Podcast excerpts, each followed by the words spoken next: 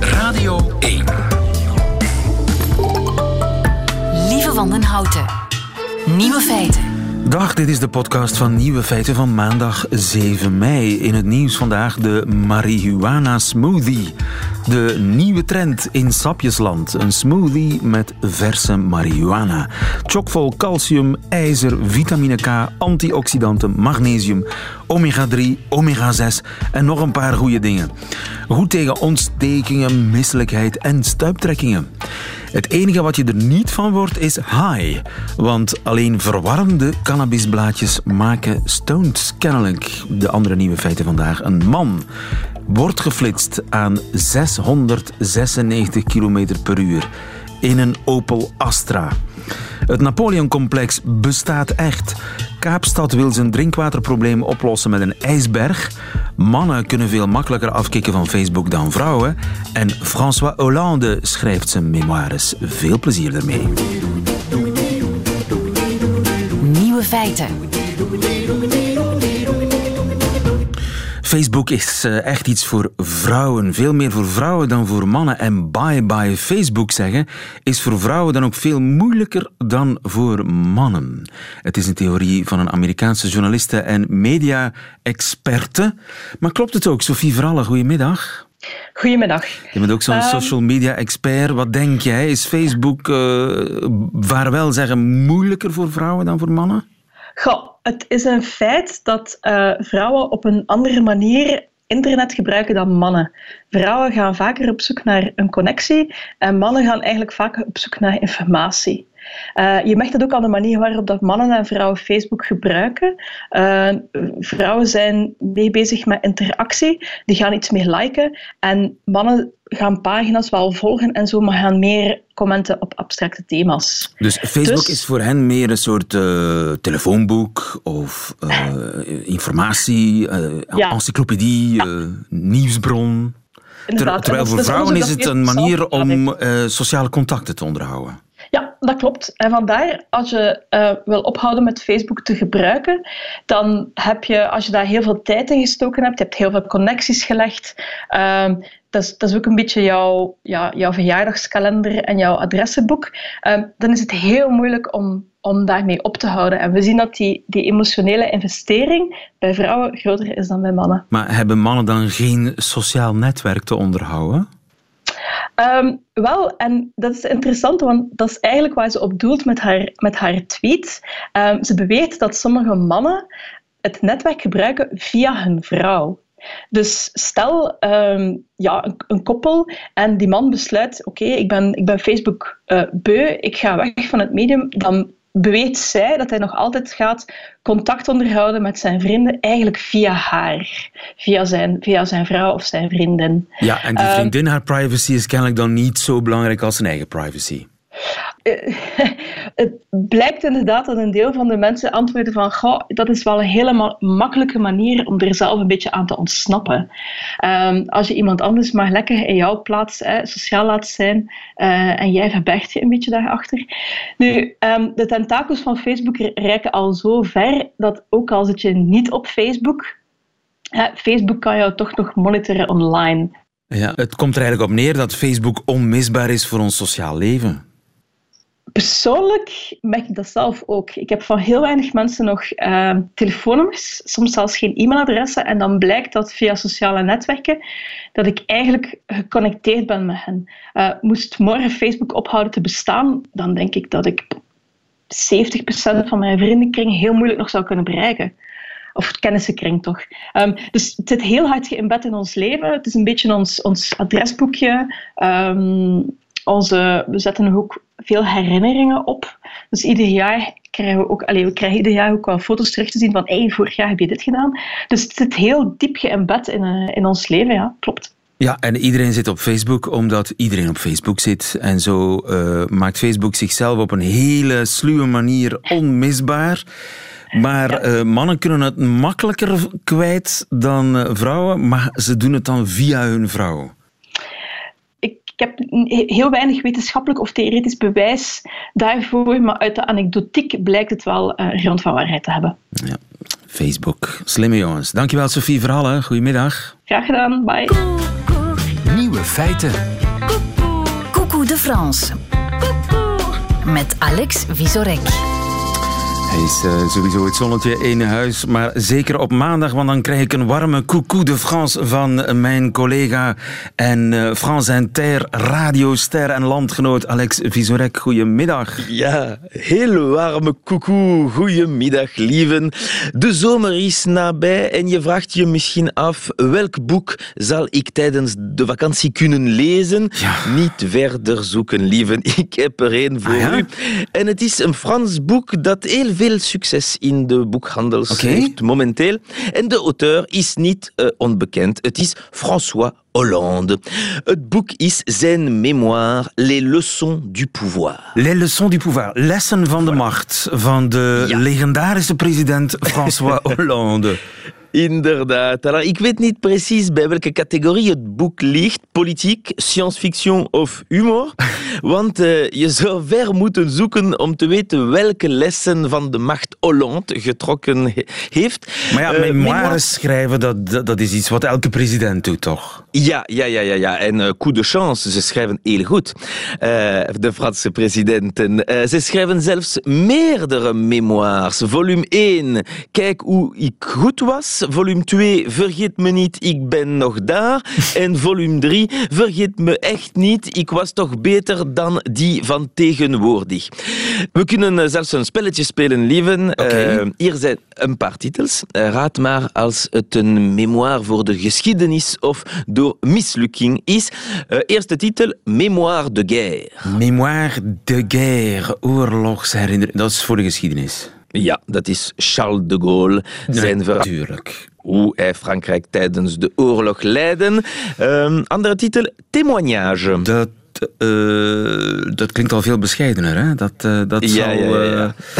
eh, dat zal niet voor de geschiedenis zijn. Nee, dat is inderdaad niet. Het is een beetje vroeger Albert Lebrun, de president die zijn plaats aan collaborateur Pétain gaf eh, met het gedacht dat hij twee maanden later zijn plaats kon terugkrijgen. Daarop kan je moeilijk trots zijn. Eh, dan heb ik ook Chaque pas doit être un but. Oeh la la. Eh, dat, dat, lijkt Dat mij, is- ja, dat zit ergens tussenin, denk ik. Nee? Ja, dat is tussenin Jacques Chirac. Chaque pas doit être un but. Hij heeft er twee geschreven. De andere, Le temps présidentiel. De memoires van Jacques Chirac werden eh, uitgegeven als hij al anosognosie leed. Eh, Een neurologische ziekte die zijn geheugen aanvalt. Zoals eh, wij in het Frans zeggen, il a publié ses mémoires alors qu'il n'avait plus la sienne. Maar eh, wat zit erin? Eh, in alle memoires vind je drie soorten elementen. De eerste zijn anekdotes over het privéleven. Eh, bijvoorbeeld legt Chirac uit hoe hij in een bordeel in Algerije een man werd. Een feit dat minder interessant is voor politieke liefhebbers dan voor krantenverkopers. En het tweede element is een ambitieuze visie op de wereld en vooral het beste deel van de wereld, Frankrijk. Dat had Charles de Gaulle met een heel J'ai une certaine idée de la France. In interview. Je me fais en effet de la France une certaine idée. Je veux dire par là qu'à mon sens, elle est quelque chose de très grand, de très particulier. Heel groot en heel bijzonder. Ja, Frankrijk moet op de eerste rij zitten, maar als je zelfs geen bijzonder president was, moet je ook een derde element toevoegen, le règlement de compte. Memoires zijn ook een wraakoefening, want achter alle mislukkingen is er altijd iemand anders die verantwoordelijk is. Voor Chirac was het bijvoorbeeld Giscard. Chirac was ooit zijn eerste minister, maar hij stapte op en ze werden geen goede vrienden. On va beaucoup citer votre propos sarcastique. Giscard a assuré avoir jeté la rancune à la rivière, mais, mais ce jour-là, la rivière devait être à sec. Oui, mais c'était probablement vrai, oui. Giscard heeft de rancune in de rivier geworpen, maar de rivier moest droog zijn, zei Chirac. Ja. En dat brengt ons terug naar François Hollande. Welke soort mémoires is Les leçons du pouvoir? Blijkbaar geen mémoires voor de geschiedenis. Hollande moet vooral zijn versie van zijn presidentschap geven. En dat doet hij in een boek van 400 pagina's. Wow, 400 Oh la la la la. Je weet het wel, lieven. Mannen die eh, de grote auto kopen, hebben iets dat ze willen compenseren. Presidenten die grote boeken schrijven ook. Hoe groot de boek, hoe serieus het eruit ziet. Zou Les Leçons du Pouvoir een boek van 90 pagina's zijn, dan geeft je meer eh, geloofwaardigheid aan een album van Suske en Wiske. Maar Alex, je zei net dat het een groot succes was in de boekhandel. Ja, en het is vooral het delen van les règlements de compte die in een perfecte timing komt. Want welke politicus heeft Hollande naar de macht gebracht? Emmanuel Macron. Eh, Ja, ja, ja, ja, ja. En dus zijn de lessen van de macht niet echt lessen dat Hollande leerde, maar ook lessen die Hollande aan zijn opvolger wil geven. En hij doet het ook op tv. Le président des riches, c'est ce qu'on entend beaucoup, c'est ce que vous pensez Non, ce n'est pas vrai. Il est le président des très riches. Lap. Bam, Macron is niet de president van de rijken, maar van de zeer rijken. En eh, zo'n zin spreekt vandaag aan de Fransen in de straten. En dus die vraag dat ik me stel, is dat grote literatuur of kleine politiek? De memoires van eh, president Hollande zijn eh, op de markt en zijn een succes in de boekhandel. Dankjewel, Alex Visorek. En tot volgende week. Tot volgende week. Lieven van den Houten. Radio 1. Het zou zomaar kunnen dat het drinkwaterprobleem van Kaapstad in Zuid-Afrika is eh, opgelost. Want er is een plan. Een op het eerste gezicht heel erg zot plan. Namelijk een ijsberg van de Zuidpool helemaal naar Zuid-Afrika slepen. Goedemiddag, professor Patien. Goeiedag. U bent eh, glacioloog aan de ULB. Tja, Kaapstad dreigt als eh, eerste grote stad ter wereld compleet zonder drinkwater te vallen door uitzonderlijke droogte. Eh, de afgelopen drie jaar is er nauwelijks regen gevallen en de stuwmeren staan zo goed als droog. En één van de opties is een ijsberg aanslepen. En Nick Sloan, die denkt dat het kan. Nick Sloan, de bekendste, beroemdste eh, scheepsberger. En hij maakt zich sterk, hij is trouwens geloof ik een Zuid-Afrikaan. Eh, hij maakt zich sterk dat hij eh, een ijsberg kan aanslepen. Waar gaat hij die ijsberg oogsten, om zo te zeggen? Ja, kijk, men gaat die niet gaan halen op Antarctica zelf. Want dat is vrijwel onmogelijk, omdat die ijsberg dan moet gesleept worden over de meest stormachtige oceaan.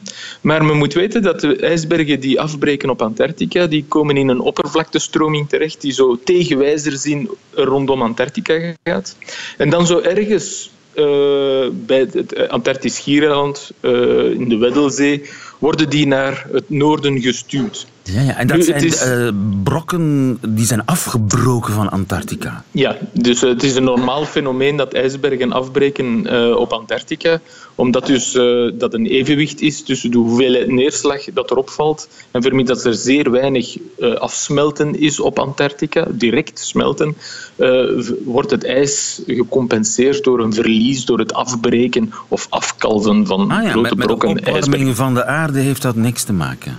Eh, De, de, de ijsbergen in, eh, op zichzelf niet. Het feit is wel, als er meer en meer ijsbergen afbreken, dat betekent dat er een meer ijsverlies is dan eh, ijswinst. En dat is hetgeen dat we momenteel waarnemen op sommige plaatsen in Antarctica natuurlijk. Ja, ja. En dat is wel degelijk een signaal van klimaatopwarming. Maar goed, dat zijn al eh, brokken ijs die afgebroken zijn. Dus je gaat dat niet met menselijke hand gaan verminderen, dat ijs. Dat ijs is al afgebroken. En dat is zoet water dan. Dat is zoet water, dus dat ijs, eh, die ijsbergen die gaan dan in een natuurlijke stroom gaan die dus eigenlijk naar het noorden drijven, richting de Atlantische Oceaan. Dus maar zijn die niet een beetje groot om te vangen? Wel, die, die worden kleiner met de tijd, want die worden dus aangevallen door de stormen enzovoort. Die breken in stukken. En eigenlijk, als we kijken naar eh, eilanden die rondom Zuid-Afrika liggen, en er is onder andere Gok Island, dat dus eh, ongeveer 1500 tot 2000 kilometer van Zuid-Afrika ligt, daar observeert men regelmatig kleinere ijsbergen die van Antarctica toekomen. Nu, het, het voordeel van Gok Island is dat dat niet ver van Zuid-Afrika ligt. En ook dat het dicht bij de, een, een andere oceaanstroom ligt, en dat is de Bengalenstroom, die dus eigenlijk een, een koudwaterstroom is die natuurlijk die bergen zou kunnen brengen naar Zuid-Afrika. Ja, ja, dus- natuurlijk gebeurt dat niet, eh, omdat men die eerst in die stroom moet krijgen. En dat is eigenlijk wat dus eh, Sloan en zijn companen willen doen. Namelijk van in de omgeving van Gog Island een van die ijsbergen die daartoe komt eh, te vangen en die dus langzaam te sturen naar die Bengalenstroom. Maar Zodanig dat die dan vang je een ijsberg? Ja, het, een ijsberg vangen, ten eerste mag dat niet te groot zijn. Je moet weten dat ongeveer 9 tiende van dat volume onder water zit. En dat water natuurlijk een zeer grote frictie gaat, eh, gaat geven. Dus eh, met grote tankers, en niet met sleepboten, maar met grote tankers, zou dus eh, eigenlijk die, die verplaatsing gebeuren. Maar moet je daar dan eerst een, een daarvoor- lasso omgooien of zo? Of- Nee, nee, geen lasso. Het, het lijkt er een beetje op. Hij heeft dus eigenlijk plannen, en dat is wellicht waar de grootste kost eh, in zit, om een, een net te ontwerpen waar dat rondom eh, onderaan die ijsberg wordt gespannen. En dat dus eigenlijk mogelijk maakt dat net van die sleping uit, uit te voeren. Maar het zou wel een heel groot net moeten zijn. Want ja, hoe groot is zo'n ijsberg dan toch nog? Ja, die ijsberg eh, zou ongeveer 70.000 ton zijn. En dat is nu niet een van de grootste ijsbergen. En een grote ijsberg, de grootte van een, van een, van een Belgische provincie bijvoorbeeld, dat is dus uiteraard onmogelijk. Maar dus kleinere ijsbergen van enkele honderden meters bij honderden meters, dat maakt het al mogelijk om zo, zoiets te verplaatsen. En, als dat En, dat is eigenlijk al voldoende wat. Eh, dat kan kantelen, eh, inderdaad. Die ijsbergen zijn op dat moment nog tafelijsbergen. Die hebben dus eigenlijk de vorm, een, pl- een plat, eh, platte vorm aan het oppervlak. Typisch de vorm van hoe dat ze ook afbreken. Nu, die ijsberg moet groot genoeg zijn, want als die te klein wordt, dan begint die te kantelen en dan is die natuurlijk onhandelbaar. Dus daarom... En dan trekt die schip en al naar beneden natuurlijk. Die trekt dat niet naar beneden. Het feit is dat dat net natuurlijk verward raakt. Eh, Ja, maar als zo'n berg begint te kantelen, dat, dat hou je toch niet tegen? Dat schip kantelt toch mee? Dat hou je niet tegen, maar zolang dat het een tafelijsberg is en dat dus de, de breedte en de lengte van die ijsberg voldoende eh, groot is tegenover de dikte, en de dikte is ongeveer 200 meter, eh, dan eh, blijft die natuurlijk wel stabiel in die vorm. Maar natuurlijk, dat is er allemaal ingerekend. Het feit is, en dat is wat ik eigenlijk vrij goed vind aan dit plan, dat men zoveel mogelijk rekening houdt met natuurlijke zeestromingen. En eh, die Bengalenstroming is eigenlijk ook een koude waterstroming. Dus men komt eigenlijk nooit water tegen dat te warm is en dat er eigenlijk voor zorgt dat er te veel smelt zou eh, gebeuren. Maar goed, dat ding is al serieus gesmolten als het in Zuid-Afrika aankomt, maar toch nog eh, heel erg groot. Je, je kan dat niet aan land brengen. Vermits dat een kust minder diep water is, laten ze die gewoon eh, gronden. Dus eigenlijk ervoor zorgen dat die dus eh, op contact is met de zeebodem. eh, en dat die daar blijft vastzitten aan de kust. En dan? gaan ze hem exploiteren vanop, vanaf de kust. Namelijk door daar van, van bovenaan eigenlijk het, het, het water eh, te smelten en te pompen Eigenlijk te eh, naar het continent. als was het een Ja. mijn. Inderdaad, het is exact op dezelfde wijze.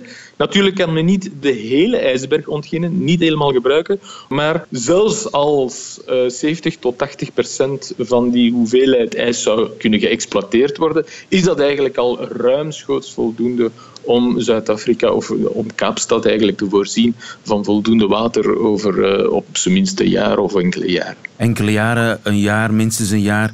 En dat water, is dat drinkbaar? Is dat gebruiksklaar? Het water is perfect drinkbaar uh, en, en ik denk dat het ook gebruiksklaar is. Uh, als men het wilt gebruiken als drinkwater, een groot verschil met ons drinkwater is dat het onze uit de grond komt en eigenlijk gemineraliseerd is door contact. Dus het regenwater in contact met uh, rotsen en mineralen. Ja. Dus daar is het volledig zuiver. mineraalvrij. Hier is het volledig zuiver, H2O in zuivere toestand, zonder mineralen. Maar het kan natuurlijk gemineraliseerd worden voor drinkwater. Maar natuurlijk uh, het gebruik van water uh, voor uh, irrigatie, voor andere doeleinden buiten drinkwater, die hebben niet noodzakelijk een ja. mineralisatie nodig. Het klinkt heel erg spannend. Ik ben benieuwd of het gaat gebeuren. Hou ons op de hoogte. Dankjewel, professor Patin in Brussel. Ja, ik zie er ook naar uit, natuurlijk. Goedemiddag. Radio 1. Nieuwe feiten. Een meneer uit Kievrin schrok zich een bult toen hij een boete thuis kreeg toegestuurd. Bleek hij in zijn Opeltje Astra geflitst te zijn met een snelheid van bijna 700 km per uur op een plaats waar je maar 50 mag. 696 km per uur om precies te zijn. Niet slecht voor een Astra. De boete werd gecorrigeerd naar 654 km per uur. Goedemiddag, Hajo Beekman. Goedemiddag. Verkeersexpert van de VRT. Ja, het staat er zwart op wit, hè? Ja. Het moet wel schrikken zijn. Ja, het moet heel schrikken zijn als je zoiets binnen de bus krijgt, maar het moet toch ook een belletje laten ringen. Officiële brief van de politie. U heeft 696 km per uur gereden. We gaan dat corrigeren naar 654. Wat is hier fout gegaan? Ligt het aan de flitser? Uh, vermoedelijk niet. Uh, we weten niet precies wat er is fout gegaan uh, uit de berichten die we zelf lezen, maar vermoedelijk zal het niet liggen aan de flitspaal, maar wel de manier waarop de informatie uit de flitspaal is verwerkt.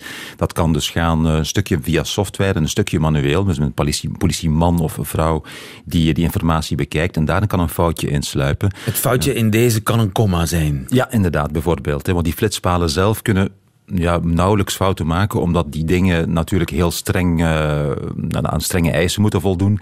En er is ook een federale instantie die ook precies elk toestel gaat, uh, gaat laten eiken. Dus eiken en herijken om de twee jaar. Je mag zo'n toestel als politiedienst pas inzetten als hij aan al die criteria van de, van de dienst meteorologie, van de FOD-economie uh, voldoet. Uh, dus, dus die kan... dingen worden geweldig gecontroleerd. Ja, en ook in dit geval is er bij de vaststelling zelf waarschijnlijk niks fout gegaan, alleen bij de administratieve verwerking achteraf. Ja, in een oudere geval heb je dus rolletjes die uit de flitspalen moeten gehaald worden en dan wordt de informatie uit die rolletjes wordt ingelezen in software, maar meestal gebeurt dat nu ook al digitaal. De flitspaal zal via een digitaal netwerk gewoon de informatie sturen naar een centraal verwerkingscentrum. Bijvoorbeeld op de snelwegen zijn er een aantal in België. En dan zal een deel van dat eh, verwerkingsproces, nummerplaat, eh, snelheid die geregistreerd is, dat zal allemaal automatisch worden verwerkt in een boete. En af en toe zit daar ook nog eens een manuele kwaliteitscontrole tussen van een politieman of vrouw, van een inspecteur van de wegpolitie, die een aantal zaken gaat checken. En wellicht is daar iets fout gegaan. Het gebeurt heel zelden, maar het kan dus wel. Ja, want als ik dit lees, denk ik, ja, ik ga nooit meer een boete betalen. Want die dingen zijn niet betrouwbaar. Nee, ik denk, ik denk dat dat niet, uh, niet dat, de goede reflex is. Dat gaat niet pakken? Nee, nee dat, dat, dat pakt niet. Ik denk ook als ik zelf kijk in de gevallen die ik de laatste jaren heb uh, gelezen, dat het heel zeldzaam is. Maar het is altijd... En software kan fouten maken. Mensen kunnen ook fouten maken. Maar dit komt niet zo vaak voor. Dus ik zou het niet als basis gebruiken om uh, nu te gaan zeggen om de betrouwbaarheid van elke flitspaal in, in twijfel te gaan trekken. Maar deze man heeft toch geen boete betaald, ik Nee, nee. Ik, ik denk dat die, die is naar de politie gestapt. En de politie zag ook onmiddellijk in dat dit niet klopte, want een paal kan trouwens maar tot 300 kilometer uh, per uur flitsen. Dus 600 is sowieso technisch voor die paal al onmogelijk. Dus daardoor kan je al weten eigenlijk dat het in die verwerkingsprocedure ergens moet fout gegaan zijn. Die man is naar de politie gegaan en daar hebben ze wellicht even gelachen. Ze hebben de, de boete onmiddellijk verscheurd en de komma verzet. Ja, maar in dit geval is dus overduidelijk een vergissing. Ja. Maar als het een niet zo duidelijke vergissing is, mm -hmm. ja, dan ben je wel de klos. Ja, dan heb je soms... Sommige mensen moeten echt wel uh, door, uh, door een kleine hel gaan om, te, om aan te tonen dat ze geen boetes hebben uh, verzameld. Je hebt mensen bijvoorbeeld die een boete krijgen omdat ze ja, ehm, ergens uh, niet waren, waar ze zogenaamd ergens waren waar ze dus zelf zeiden niet te zijn. Dat kan zijn dat een familielid met de auto op wegpad was, maar het kan ook zijn dat er bij een verwerking van een nummerplaat bijvoorbeeld iets is fout gegaan, want ook daar heb je soms een automatisering. Hè. Dus nummerplaten worden ingelezen, dat is uh, een foto, dat wordt tekst in een, in een PV en daar kan zeldzaam ook eens iets fout gaan, ondanks het feit dat die software heel goed doorgetest is, al jarenlang eigenlijk. Maar er zijn ook de gevallen van fraude. Dus mensen bijvoorbeeld uh, die een auto verkopen. Er is een geval bekend van een Belgisch koppel dat een auto verkocht, maar de nieuwe koper kopieerde gewoon de nummerplaat en ging daarmee rondrijden. Ook uh, vrolijk uh, te snel in Frankrijk. Vaker voor dan je denkt. Ja. Hè? Mensen met jouw nummerplaat rondrijden Precies. en boetes verzamelen. Ja, en die hadden dus 4000 euro boetes verzameld en konden pas na het onderzoek van de politie, door de politie liever, erachter komen dat dit de reden was. Ja, en dat kan een, een ware hel zijn. Maar goed, een flitspaal kan je niet flitsen aan 700 km per uur. En dat is een hele geruststelling. Dankjewel, Hajo Beekman. Goedemiddag. Nieuwe feiten. Quizvraagje. Wat hebben Mussolini, Stalin en Kim Jong-un met elkaar gemeen? Ja, het, het zijn alle drie tirannen. Geen grote fans van de democratie, dat is juist. Maar er is nog iets anders wat hen bindt. En laat ik er maar Sarkozy en Poetin bij lappen. Inderdaad, het zijn allemaal kleine mannen, geen meter zeventig. Poetin is de grootste van de bende, met net 1 meter zeventig. De vraag is natuurlijk, hebben die mannen last van een Napoleon-complex? En dat zou best kunnen, alleen is nog nooit bewezen dat er zoiets bestaat als een Napoleon-complex. Tot vandaag, professor Van Vught. Goedemiddag. Goedemiddag. U bent psycholoog aan de Vrije Universiteit in Amsterdam. Uh, en u heeft onderzocht of het Napoleon-complex echt bestaat. Maar wat is een Napoleon-complex? Kunt u dat omschrijven? Ja, het Napoleon-complex uh, dat uh, komt uit de psychoanalyse, uit de hoek van Adler, die heeft dat ooit geponeerd. en die had het over het kleine mannen-syndroom. Dat mannen eigenlijk hun gebrek aan lichaamslengte compenseren door op andere eigenschappen uit te blinken, zeg maar.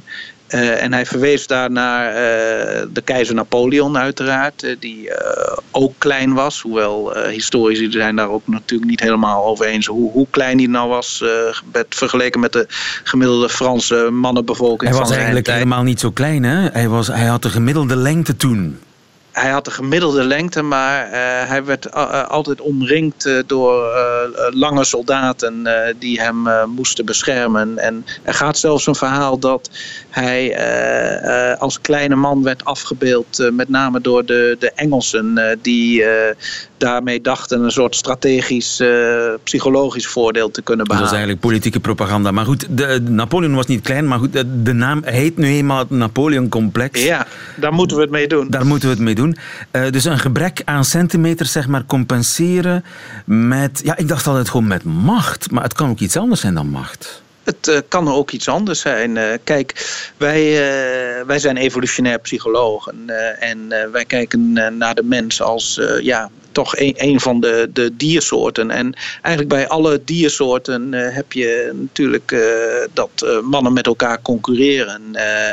en ja, dat lichaamskracht en lengte toch een belangrijke rol speelt. Dus vanuit die ja, Darwinistische bril hebben wij opnieuw dat Napoleon-complex bekeken. En we dachten, ja, kleine mannen moeten dus op andere manieren proberen dat nadeel in hun uh, lichaamslengte te compenseren. En dat kan bijvoorbeeld door inderdaad uh, de, de macht te grijpen, maar dat kan ook door verbaal heel erg sterk te zijn of door wat sneaky gedrag te vertonen. allerlei manieren om, om eigenlijk dat verschil te compenseren. Ja, dus de theorie is heel oud, maar het bestaan ervan is nooit echt bewezen. Of, de, of, het, of die theorie klopt, is nooit bewezen. U heeft toch een poging gedaan. Hoe is dat gegaan? Ja, we hebben dus uh, mannen uitgenodigd uh, in het laboratorium om een onderhandelingsspel te spelen. En um, zij kwamen dan binnen uh, tegelijk, twee mannen, en konden dus uh, gelijk ook waarnemen of ze kleiner of uh, groter waren dan de anderen. Vervolgens hebben we ze in twee aparte kamertjes gezet om het onderhandelingsspel te spelen. En Ehm, we vonden dan dat in onderhandelingsspelletjes waarbij de, de, de mannen zeg maar geld uit een grote pot konden halen. En hoe meer zij voor zichzelf hielden, des te minder was er over voor de ander. En we vonden in die onderhandelingsspelletjes dat de kleine mannen meer geld opeisten. vergeleken met de grotere mannen. Dus ze waren gieriger? Of... Ja, gierige, zelfzuchtige. Ja. Je kunt ook stellen dat de lange mannen wat genereuzer waren. Dat is natuurlijk ook een uh, alternatieve uh, verklaring. Uh, maar zij pakten meer voor zichzelf, de kleine mannen. Maar zij deden dat, dat alleen in spelletjes, onderhandelingsspelletjes, waarbij de ander eigenlijk niks terug kon doen. Uh, op het moment dat de ander, de lange man, wel iets terug kon doen, bijvoorbeeld uh, het uh, geld wat hen afgepakt was om daar een einde aan te maken, en dan, dan, was het spel ook ten einde. In die spelletjes pakten de kleine mannen niet meer voor zichzelf. Dus, dus het was wel tegen. Ze waren sluw, ja. Dus op momenten dat het kon, dat opportunisme zich eigenlijk uitbetaalde, pakten ze meer. En wat concludeert u uit die studie? Bestaat het nu of bestaat het niet, het Napoleon-complex?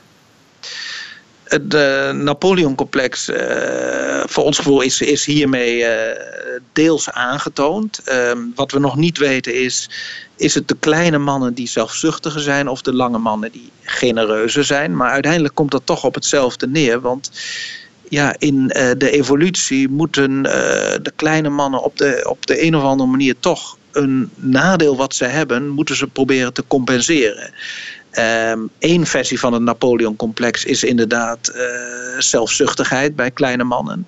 Uh, maar dat kan zich uh, natuurlijk op, ook op andere manieren vertalen. Het kan ook zo zijn dat kleine mannen betere coalities sluiten om dat verschil in, in, in, in machtspositie te verkleinen. Het kan ook zijn dat ze verbaal slimmer zijn. Dus al die verschillende operationalisaties of aspecten van het Napoleon-complex moeten nog onderzocht worden. Het moet nog onderzocht worden, maar uw eerste conclusie is: het bestaat. Het bestaat. En in het dierrijk komt het uiteraard voor. En daar zijn natuurlijk ook wel bewijzen voor. Dankjewel, professor Van Vught. Goedemiddag. Prima. Verticaal gechallenged, dat is ook een, eh, een term die gebruikt wordt voor kleine mannen. Waarmee we aangekomen zijn bij Hetty Hel Helsmoortel en haar middagjournaal. Nieuwe feiten. Middagjournaal. Ik heb lang gedacht dat ik abnormaal was. Tot ik onlangs op een interview met Barbara Sarafian in de morgen botste. En nu weet ik tenminste dat ik niet de enige ben. Het is namelijk zo dat ik heel vaak dieper geraakt word door een deel dan door het geheel. Zo durf ik wel eens dezelfde scène van een film of serie talloze keren opnieuw bekijken. Dikwijls omdat dat ene fragment zo waanzinnig veel emoties tegelijk bespeelt dat ik keer op keer naar adem moet happen.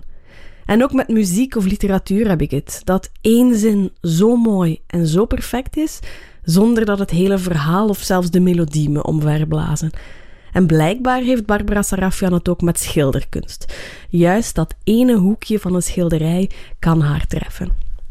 Ook als wetenschapper kan ik me met het allerkleinste bezighouden. Letterlijk, want de studie van kankercellen op moleculair niveau is behoorlijk miniem, maar ook figuurlijk. Zo heb ik me tijdens mijn doctoraat bijna vier jaar lang bezig gehouden met de vraag of twee genen nu wel of niet met elkaar interageren. En ik weet het nog altijd niet. Behoorlijk futiel als je bedenkt dat elke lichaamscel uit meer dan 30.000 genen bestaat en dat de puzzelstukjes die ik tot nu toe aan het kankervraagstuk heb toegevoegd bijna verwaarloosbaar klein zijn.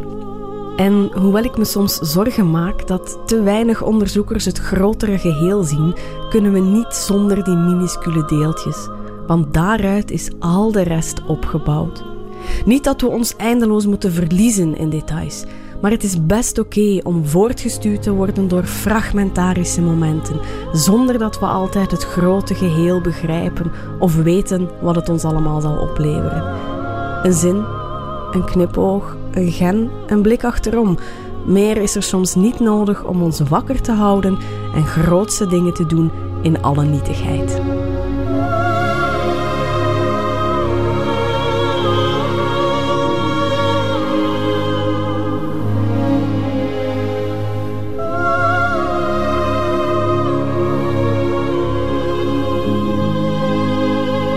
Middagjournaal met Hetty Helsmoortel, de kankeronderzoeker.